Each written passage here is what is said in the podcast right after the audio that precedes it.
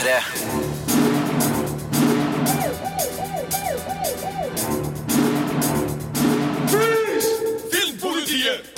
God fredag! Det er endelig helg! I hvert fall nesten, og det betyr at det er klart for Filmpolitiet her på P3. Jeg heter Marte Hedenstad og er vikar for overkonstabel Birger Vestmo i dag. Og jeg skal servere deg ukas kinopremierer, anmeldelser av dem i hvert fall. Du skal få høre vår dom over A Walk Among the Tombstones, The Maze Runner, If I Stay og Mot naturen. Og så kommer Rune Haakonsen innom for å fortelle om Wii U-spillet Hyrule Warriors. Og du skal også få høre hans dom over NHL 15. Så det er et eh, fullstappa program her i Filmpolitiet i dag. Og jeg blir i radioen din frem til klokka blir ett. P3. P3. Filmpolitiet anmelder film.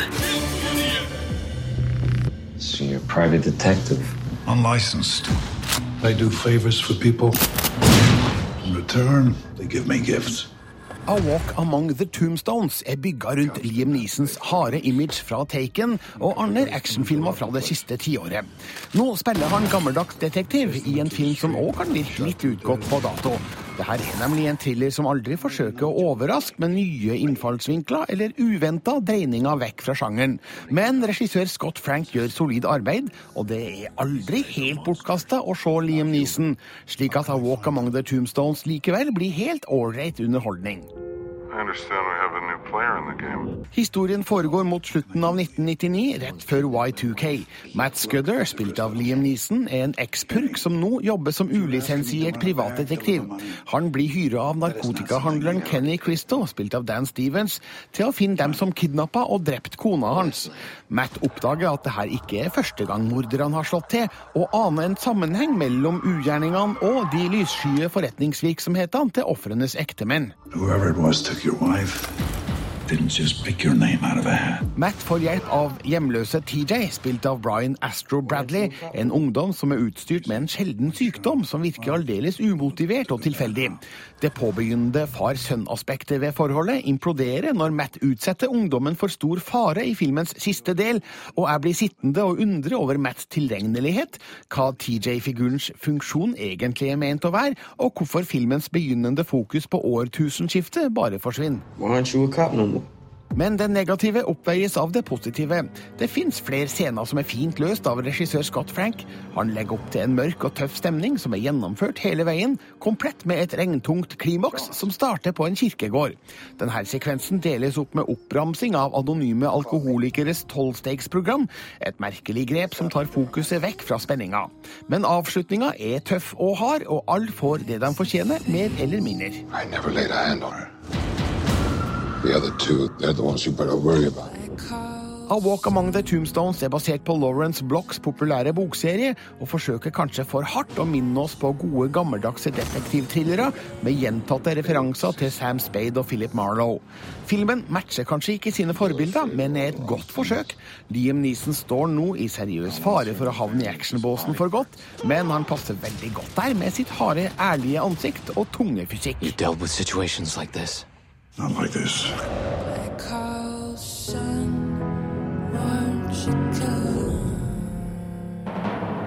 Terningkast fire. P3. Filmpolitiet anmelder film. I dag er det kinopremiere på den nye norske dramafilmen Mot naturen, der Ole Jæver har både regi, manus og hovedrolle. Og da Birger Vestmo anmeldte filmen under filmfestivalen i Toronto for to uker siden, gikk det sånn her. Skal vi se, jeg dro ut på fjellet. Sovna på sofaen. Jeg må jo ikke begrunne det. Jeg kan jo bare skrive jeg kan ikke komme. Ikke alle tanker bør deles. Det kunne vært avslørende og ødeleggende for noen og enhver at ens innerste tankegods kom ut. Derfor blir regissør Ole Gjævers film Mot naturen en svært interessant affære. Jeg kjenner meg kanskje ikke igjen i alle tankene som hovedfiguren formidler, men gjenkjenner måten han resonnerer på. Mot naturen har en beundringsverdig ekthet og en utvilsom menneskelighet. Den er òg til tider veldig morsom. Hadde ikke jeg en tanke i sted som jeg likte å tenke på?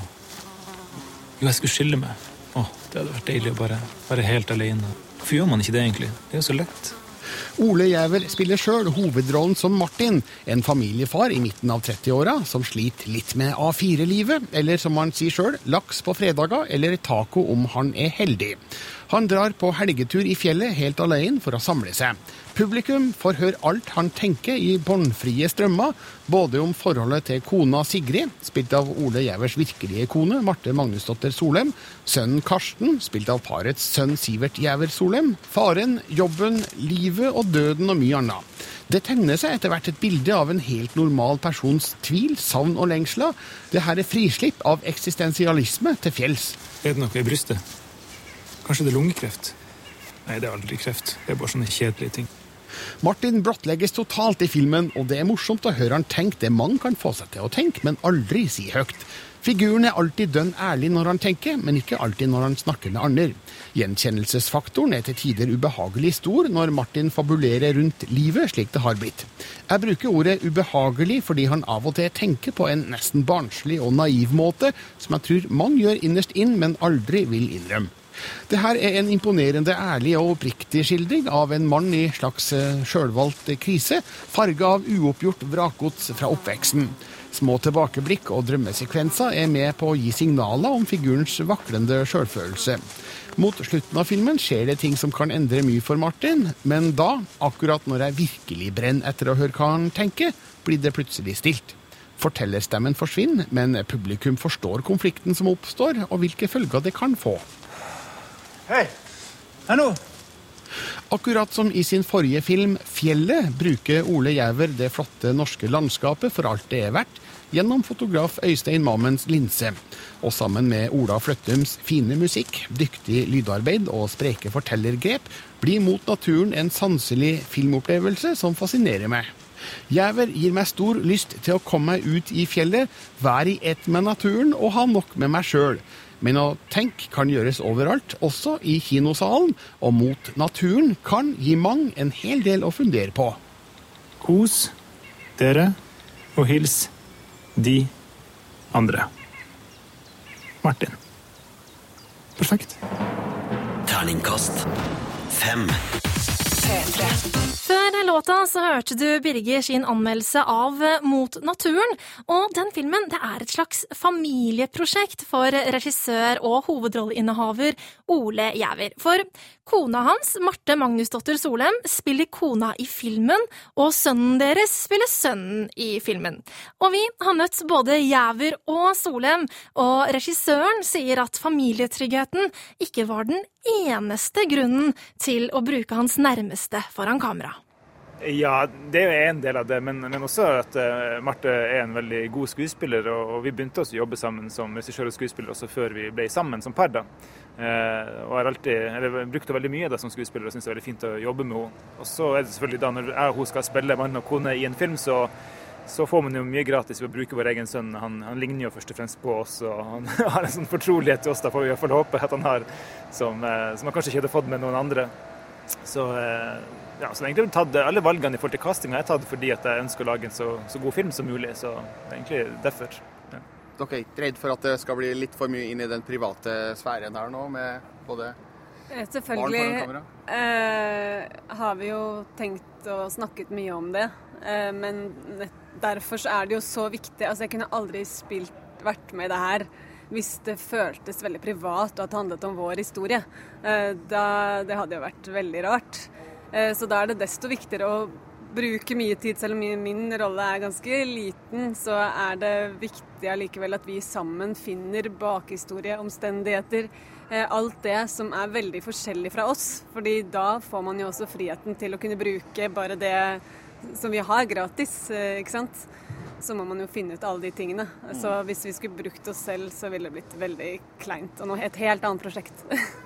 Men for utenforstående som ser filmen og ser at eh, du er regissør, du er manusforfatter, og du spiller jo da hovedrollen Man må jo tro, eller lure på, er det dine tanker det her, som eh, Martin formidler? Ja, nei, ja, det, det, det, kan man jo ikke kontrollere hva folk eh, spekulerer i. Men, men, det er jo ikke en selvbiografisk film. Og, og som Marte sier også, at hadde det vært det, så hadde det vært et helt annet prosjekt. Eh, her var det helt nødvendig å ha en distanse til karakteren og til det som skjer, nettopp for å kunne være helt sånn ærlig på hva man går og tenker på. For Da slipper man denne selvsensuren og, og liksom tenker at men jeg vil ikke at folk skal vite hva jeg går og tenker. Men selvfølgelig er det jo en del av det, det som ligger der, som man kan kjenne seg igjen i, og som jeg sikkert har hatt i livet mitt på et eller annet tidspunkt, eh, selv om dette ikke handler om, om meg og den jeg er nå, og, og, ikke minst den jeg er sammen med, med Marte, som jo er, har et helt annet forhold til enn en Martin i filmen har til sin kone. Men uh, på et tidspunkt uh, så måtte jo du fått lest dette manuset. Begynte å lure litt på hvor dette kom fra. Om jeg gjorde det? Ja. Eh, altså ja og nei. Jeg har jo fulgt Ole i ti år. Og jeg vet jo veldig godt hva hans prosjekt er. Eh, måten han bygger karakterer på og hvordan han tenker. Så det er jo ikke sånn Hadde jeg blitt veldig overrasket og syntes at det var veldig skremmende, så tror jeg ikke at uh, Jeg hadde jo ikke kjent Ole så godt.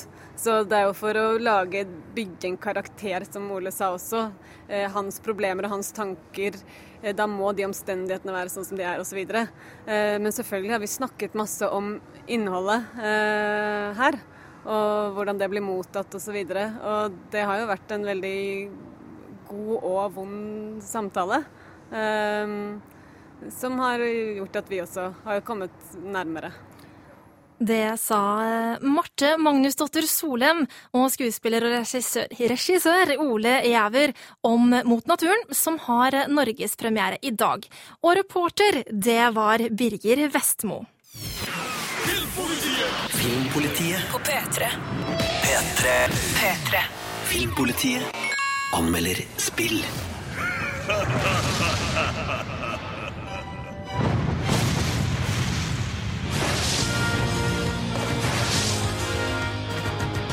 Dette er eh, musikk vi kjenner igjen. Gåsehud med en gang! Ja, Legend of Zelda. Å, jeg fikk faktisk gåsehud òg, Rune. Men det her er jo ikke et Legend of Zelda-spill vi nå Nei. skal eh, snakke om, dessverre. Eh, Hyrule Warriors Hyrule Warriors? Jeg må gjenta det.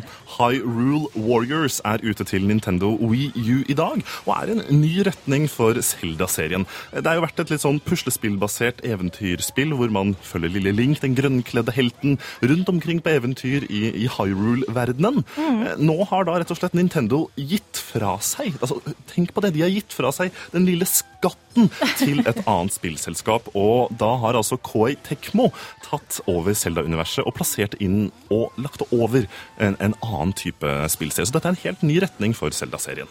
Ja, og, og det som er, er at eh, KI Tekmo det er jo de som står bak da Dynasty Warriors, som de nå har eh, merga sammen med folka i Hyrule-universet. Mm. Og det er jo et veldig, en veldig japansk serie. Ja, eh, Kort bare fortelle, Hva er Dynasty Warriors, og da nå også Hyrule Warriors? Du, det er et sanntidsstrategispill hvor du løper rundt på en slagmark og slakter ned tusenvis av fantasimotstandere i kampen om kontroll over et brett. Det har visse elementer fra sånne Moba-spill som eh, League of Legends og Defense of the Ancients 2, som er veldig populært nå om dagen. Det er noen elementer av dette, eh, minus da flerspilledelen, for du kjemper mot PC-en. Og det fungerer veldig godt, eh, akkurat denne, denne ene delen av spillet. For jeg skal innrømme at jeg er ikke så veldig fornøyd med Hyrule Warriors. Problemet ligger i at presentasjonen er veldig gammeldags. Menysystemet, brukergrensesnittet føles ut som det skulle vært Nintendo 64. Eh, Det hører liksom til til en annen tidsæra. Og så er det også et problem med, med historien, syns jeg, som, som, som rett og slett blir litt klein. Eh, historien i disse Zelda-spillene som vi kjenner, det er episke, Ja, store fortellinger. ikke sant? Veldig fint. Eh, Hvor, hvor hele poenget er jo nettopp å kunne føle at du er på et eventyr. Ja, Og at du er den store helten. Og spillet, eh, altså Hyrule Warriors, starter med samme type uh, tankegang. En ondskap truer, prinsesse Selda kaller inn heltene til kamp. Men så ramler det litt fra hverandre.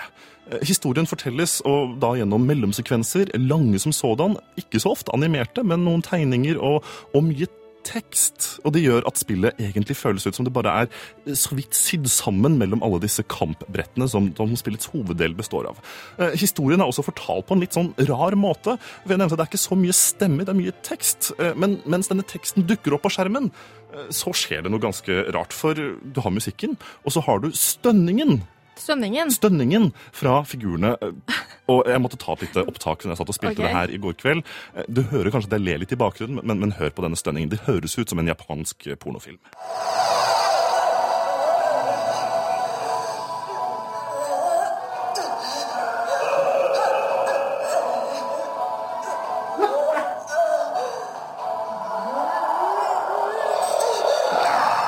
Altså, enten er det noen som jobber Hva er det du driver med her, Rune? Det Altså- lurer jeg på. Altså, det her er da en mellomsekvens fra spillet som forteller historien hvor det skjer masse dramatisk, men det eneste du hører, er denne stønningen. Så enten jobber noen veldig hardt på, på dass, eller så er det en japansk pornofilm. Det er i hvert fall det inntrykket jeg får.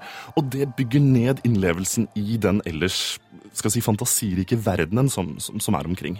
Eh, Det gjør det litt som en nedtur, egentlig, sånn Mm. Zelda-historiemessig. Og det er jo litt trist, fordi at eh, Hyrule Warriors var jo et av de spillene vi her i Filmpolitiet satt på, på lista over spill vi gleda oss til i høst. Ja, fordi at Wii U-konsollen trenger flere av disse gode eventyrspillene som Nintendo er kjent for å lage. Eh, Nå er det noen andre som har laga det, og jeg mener at Nintendo rett og slett skusler bort arvesølvet sitt. De har gitt det bort, og det har blitt et dårligere produkt av den grunn. Så jeg er ikke fornøyd. Det positive som jeg vil ta med helt til slutt, er at det er mange av heltene fra Zelda-universet som er tilgjengelig. Ganondorf, prinsesse Zelda, Link, Sheik. Du kan velge disse, og det er stor variasjon når du bruker disse. Eh, Det er et spill som mange har venta på, så jeg er veldig gira på at du som hører på akkurat nå, at du går inn og sier din mening om Hyrule Warriors på p3.no skråstrek filmpolitiet. Og min dom, den er Terningkast tre. P3. Filmpolitiet anmelder film. Det er jo sånn at Hollywood fortsetter bare å spy ut ungdomsfilmer om dagen. Og nok en ungdomsroman har blitt filmatisert for kinolerretet, og i dag så har The Maze Runner premiere. Can you tell me anything about yourself? Who you are, where you came from? Can you tell me your name? I, I can't remember anything. Nok en ungdomsroman har blitt filmatisert for kinolerretet, og The Maze Runner, som er basert på den første boken i en trilogi skrevet av James Dashner, er en spennende fortelling om kampen for frihet, det å bli voksen og å finne seg selv. The Maze Runner kaster oss rett ut i historien. Thomas, spilt av Dylan O'Brien, kjent fra Teen Wolf-serien, våkner opp i en mørk vareheis. Ikke hvem han er, eller hvor han kommer fra. Alle minner før dette øyeblikket er borte. Day one, Greenie. Rise and shine. På toppen av heisen venter en grønn eng, der en guttegjeng hilser ham velkommen. Heller ikke de husker hvem de er, men noen av dem har levd der i tre år. Omgitt av en gigantisk mur som omgir den solrike gressletta. I can't leave. Hver dag åpner det seg en port i veggen inn til en labyrint som skjuler seg på den andre siden.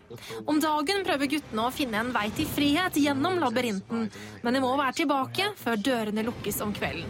For en natt i labyrinten er den sikre død. Det bryr selvfølgelig ikke Thomas seg om, og begir seg inn i de mørke gangene for å finne en vei ut. Når det en dag kommer en jente opp den mørke vareheisen som virker å dra kjensel på Thomas, heves temperaturen i leiren. Og Thomas blir beskyldt for å vite mer enn han gir uttrykk for.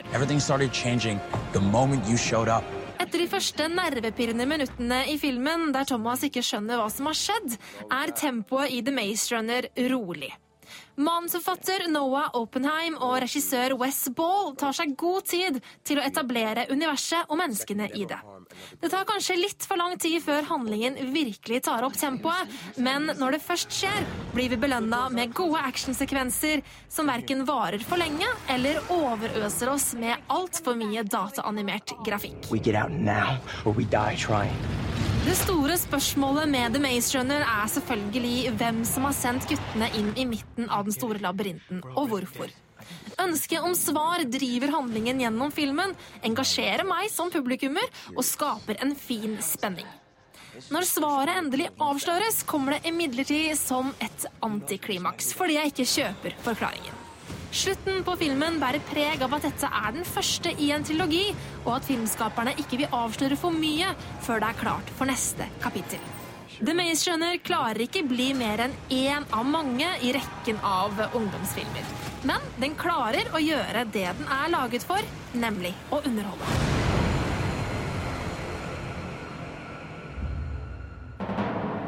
Terningkast fire. P3. Og akkurat nå er det Filmpolitiet du hører på her på kanalen. Og straks så skal du få anmeldelsen av The Raid 2. Den kom nemlig på Blu-ray og DVD denne uka. Og du skal altså få et gjenhør med Birger Vestmos dom. Filmpolitiet anmelder film. Nah, kalau kita mau membersihkan kota ini dengan bersih, kita harus tangkap mereka. Nama-nama yang penting. De beste oppfølgerfilmene er dem som viderefører forgjengerens kvaliteter i et utvida univers, som f.eks. Aliens, Gudfaren 2 eller Terminator 2. Regissør Gareth Evans gjør det samme med The Raid 2, som setter enerens ekstreme voldsestetikk inn i en større sammenheng. Historien åpnes opp, og figurene får større albuerom, bokstavelig talt. Dermed får vi en blodig tøff gangsterfilm med vanvittige kampscener av episke proporsjoner. Store ord, ja, men The Raid 2 fortjener dem. Cuma beberapa bulan. Kamu nggak boleh tahu aku ada di mana. Historien tar opp tråden der eneren slutta. Da fikk politimannen Rama, spilt av Iko Uveis, oppleve korrupsjon blant egne offiserer under et voldsomt raid mot en gangsterbygning i den indonesiske hovedstaden Jakarta. Nå blir han rekruttert av en hemmelig intern etterforskningsgruppe for å avdekke de virkelig store politiskurkene. For å oppnå det her må han gå undercover og infiltrere en av Jakartas gangsterfamilier. Men det her blir en hard og vanskelig operasjon, der Rama havner midt i en brutal gangsterkrig. Mens den første The Raid var filma i vanlig widescreen, som passa de trange gangene og rommene alt foregikk i, presenteres The Raid 2 i scope-format, noe som umiddelbart signaliserer retningen filmen tar. Historien er større, persongalleriet er bredere. Det handler om hensynsløs kriminalitet og blodig rivalisering. Ingenting vi ikke har sett og hørt før, men godt nok fortalt til at jeg tror på figurene og det miljøet de beveger seg i. Iko Uveis får mer å spille på, og beviser at han er en habil skuespiller, i tillegg til å være en imponerende kampsportutøver. Og det er voldsutgytelsen som preger filmen fra start til slutt. Den ene sekvensen avløser den andre med ekstrem intensitet, brutalitet og oppfinnsomhet. Det er faktisk litt utmattende å se gjennom alt det her, men det er fryktelig godt koreografert, filma og klippa. Den utrolige voldsestetikken gir meg en berusende følelse. Gareth Evans tar åpenbart mål av seg til å være vår tids fremste eksponent for filmvold. Sjøl Tarantino blir en smågutt i forhold til Evans når det gjelder omfanget av den blodige underholdninga. Det fins nok dem som finner The Raid 2 direkte usmakelig, og jeg skjønner at det her kanskje ikke er en film for alle. Men for meg er det her et godt eksempel på hvor fantastisk det kan være å se en voldelig film der ingenting holdes tilbake, der regissøren har fritt spillerom til å overgå alle forventninger til hva det kan være mulig å vise på film, og der resultatet er en blodsprutende, halsbrekkende, armknekkende og kroppsspjærende voldsorgie med interessante figurer i en god historie. Terningkast fem. P3. Filmpolitiet anmelder film. Mom! Dad! Daddy! You wake up! Am I dying? Is that what this is? Dramafilmen If I Stay forteller historien om Mia Hall, spilt av kickass-stjerna Chloé Grace Mortez. En 17 år gammel celloartist som får livet snudd opp ned når familien havner i en bilulykke. Selv havner hun i koma og får en ut-av-kroppen-opplevelse, og samtidig som hun følger med på hvordan venner og familie sørger ved sykesengen, forstår hun at hun selv må velge om hun vil leve eller dø. Et valg som ikke er så enkelt, siden livet kommer til å bli tøffere enn hun noensinne hadde forestilt seg om hun våkner.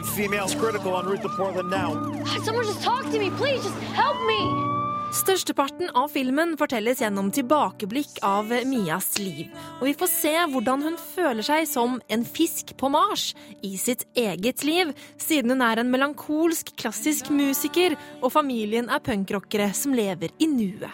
Når Mia blir sammen med rockeren Adam, skolens kommende stjerne, blir følelsen av lykke, men også følelsen av å ikke passe inn komplett.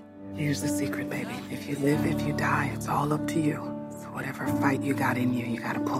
Chloé Grace Martez var strålende som beintøff heltinne i Kickass-filmene. Men hun klarer ikke å overbevise meg som sart følelsesmenneske. Hun og Jamie Blackley, som spiller kjæresten Adam, mangler kjemi, og jeg tror ikke på det som skal være den store kjærligheten. Heller ikke Blackley er spesielt overbevisende i sitt spill, og fremstår mer som en sutrete tenåring fremfor den følsomme melankolikeren han skal være. Stacey Keach, som spiller Mias bestefar, og Mireille Inos og Joshua Leonard, som spiller foreldrene hennes, leverer de eneste virkelig gode skuespillerprestasjonene i filmen. Dette er regissør RJ Cutlers første kinofilm, og det er mulig de unge skuespillerne i truppen trenger mer veiledning enn det en såpass uerfaren regissør kunne gi dem. Det hjelper ikke på kinoopplevelsen at man nesten fra starten av filmen er sikker på hvordan det kommer til å gå med Mia. Det gjør at ventetiden før avgjørelsen endelig tas, blir altfor lang, og filmen føles treig. I decide I know that now. And that terrifies me more than anything else that's happened today. If I Stay har et godt lydspor som spiller på de rette strengene til i riktig tid. Men filmen prøver hele tiden å mane frem de store følelsene i meg.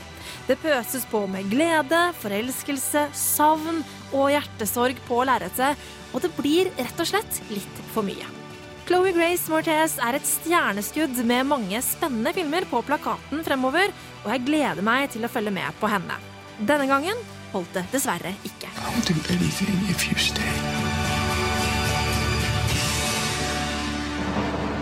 Terningkast tre. Nei, det ble ingen toppkarakter for eh, Chloé Grace Mortez og If I Stay. Det var ukas aller siste kinopremiereanmeldelse. Men klikker du deg inn på p3.no filmpolitiet, kan du lese og se alle sammen der. Sportsspill det er ikke noe jeg har peiling på, men det har Rune Haakonsen. Og her i Filmpolitiet skal du straks få høre hans anmeldelse av NHL 14. Filmpolitiet anmelder spill. We have begun yet another game between these two teams who have quite a past. Let's see what the present's like. Ishockeyspillene til giganten Electronic Arts har i flere år vært kroneksempelet på hvor bra sportsspill kan bli. En svært god opplevelse på isen, en bra fysikkmotor og mange ulike spilltyper har ført til et mangeårig favorittstempel fra kritikere, inkludert meg. Derfor er det overraskende at NHL 15 har store mangler.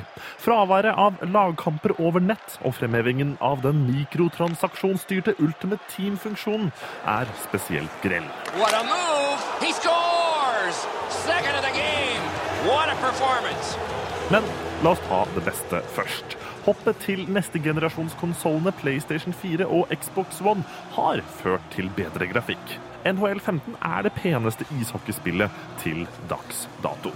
Nærbilder av spillerne og refleksjon av lyskasterne i den blanke isen gjør spillet, sammen med en større variasjon på publikumsreaksjonene, ja, det gjør det til en svært god sportsopplevelse. Fysikkmotoren gjengir bedre enn noensinne følelsen av å være på isen. Små og store kollisjoner mellom spillerne, avhengig av hvor hardt du vil takle en motstander, ser ikke bare naturtro ut. Taklinger blir oftere dømt korrekt, noe som var en tilbakevendende svakhet i spillseriens tidligere utgaver. Men utenfor isen forsvinner det positive inntrykket av NHL 15. At the front of the net. Good pad stop. Hele spillmodus er fjernet, som f.eks. Hockey League, som ga muligheten til å spille seks mot seks spillere over nett. Lagspill over nett er rett og slett fjernet i sin helhet fra NHL 15. I Be a Pro-delen, hvor publikum kan skape en ishockeyspiller i sitt eget bilde, er det kun mulig å velge mellom et knippe av de største lagene. Overraskende nok er det heller ikke mulig å spole forbi kamper hvor din spiller blir henvist til benken. Vil du spille et spill som tvinger deg til å se på at datamaskinen spiller mot seg selv? Nei. Right from the slot. Look at this. They score. A first one of the game. Mens kjerneopplevelsen på PlayStation 4 og Xbox One har blitt bedre, er det mange deler av NHL 15 som mangler. Spillet kan bedømmes isolert sett ut ifra at det er gøy på isen, men sett spillseriens lange historie er det en elefant i rommet som må tas i betraktning. Å fjerne funksjoner som tidligere er allmenngjort, er ikke greit. Nice out of trouble. Nicely into the zone. Look at this! Score! Rune Haakonsen eh, var nok litt misfornøyd der ja, med NHL 15, som kom i butikkhyllene denne uka. Og karakteren ble Terningkast tre. Les mer om film, spill og serier på p3.no Filmpolitiet. Filmpolitiet anmelder film. Herlig å se at det er så mange som har kommit. Eh, Skål! Skål! Det har vært jättekul om noen av dere kanskje vil si noen ord om de fantastiske ni årene som vi faktisk hadde ihop. Kunstner Anna Odell tar et bitende oppgjør med skoleklassen hun var en del av gjennom ni år i filmen Gjenforeningen, en blanding av fiksjon og rekonstruksjoner som ikke alltid er åpen om hva som er ekte og hva som er oppdikta. Dette kan skape problemer i kinosalen for den som på forhånd ikke har innhenta informasjon om prosjektets bakgrunn, men det er en sterk skildring av hvordan minner om mobbing fortoner seg helt annerledes for den som blir utsatt for det, enn dem som utøver det. För meg var det en stendig kamp. Det handler ikke om å skuldbelegge, utan om mitt behov av å si det jeg ikke kunne si da. Filmen er delt i to. Del én er en fiksjonsfortelling, der Anna Odell spiller en versjon av seg sjøl. Hun tar ordet på en klassegjenforening 20 år etter at de gikk ut 9. klasse. Hun forteller hvordan hun følte seg mobba, både gjennom usynliggjøring og aktive handlinger, og befant seg nederst i klasserommets hierarki.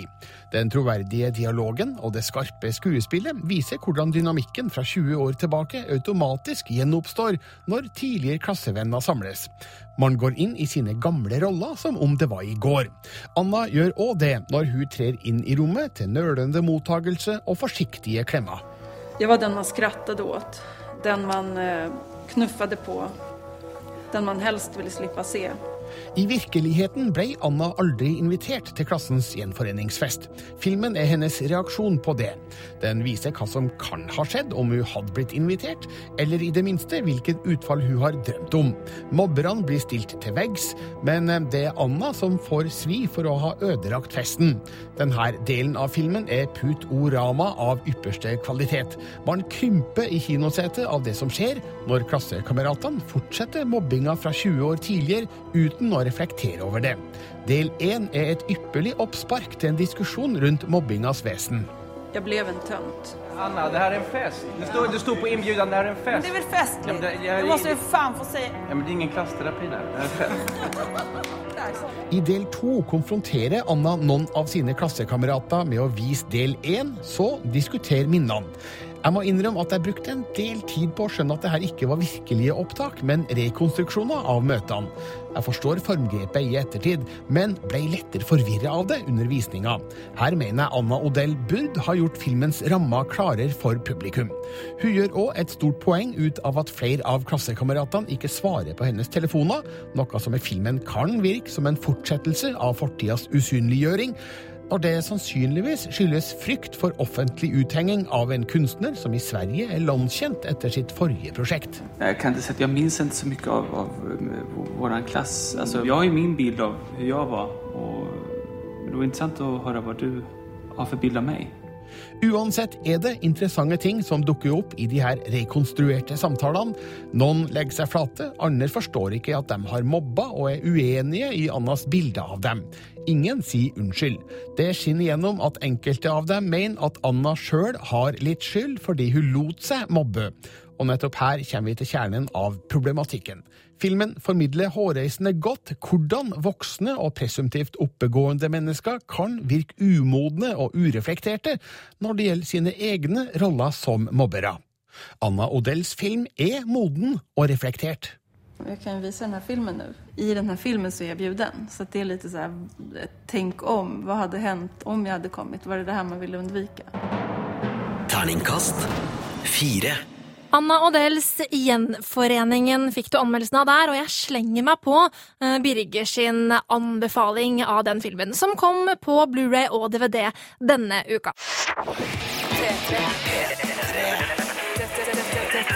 Filmpolitiet med Marte Hedenstad. NRK. Og med det så er Filmpolitiet ferdig for i dag. Jeg sier tusen takk for følget. Trivelig at eh, du har hørt på. Eh, Men hvis du skrudde på underveis og ikke har fått med deg alle film- og spillanmeldelsene i dagens sending, så frykt ikke. Klikk deg bare inn på p3.no skråstrek filmpolitiet, så finner du alt der. Og der kan du da finne litt inspirasjon for hvilke filmer du har lyst til å se på kino i helga, for eksempel. Eh, Og hvis du går på kino, så vil jeg gjerne at du etterpå tar og klikker deg inn på p3.no skråstrek filmpolitiet og sier din mening om filmen, for vi er alltid veldig glad i eh, litt deilig debatt i kommentarfeltet. Hør flere podkaster på nrk.no podkast. P3.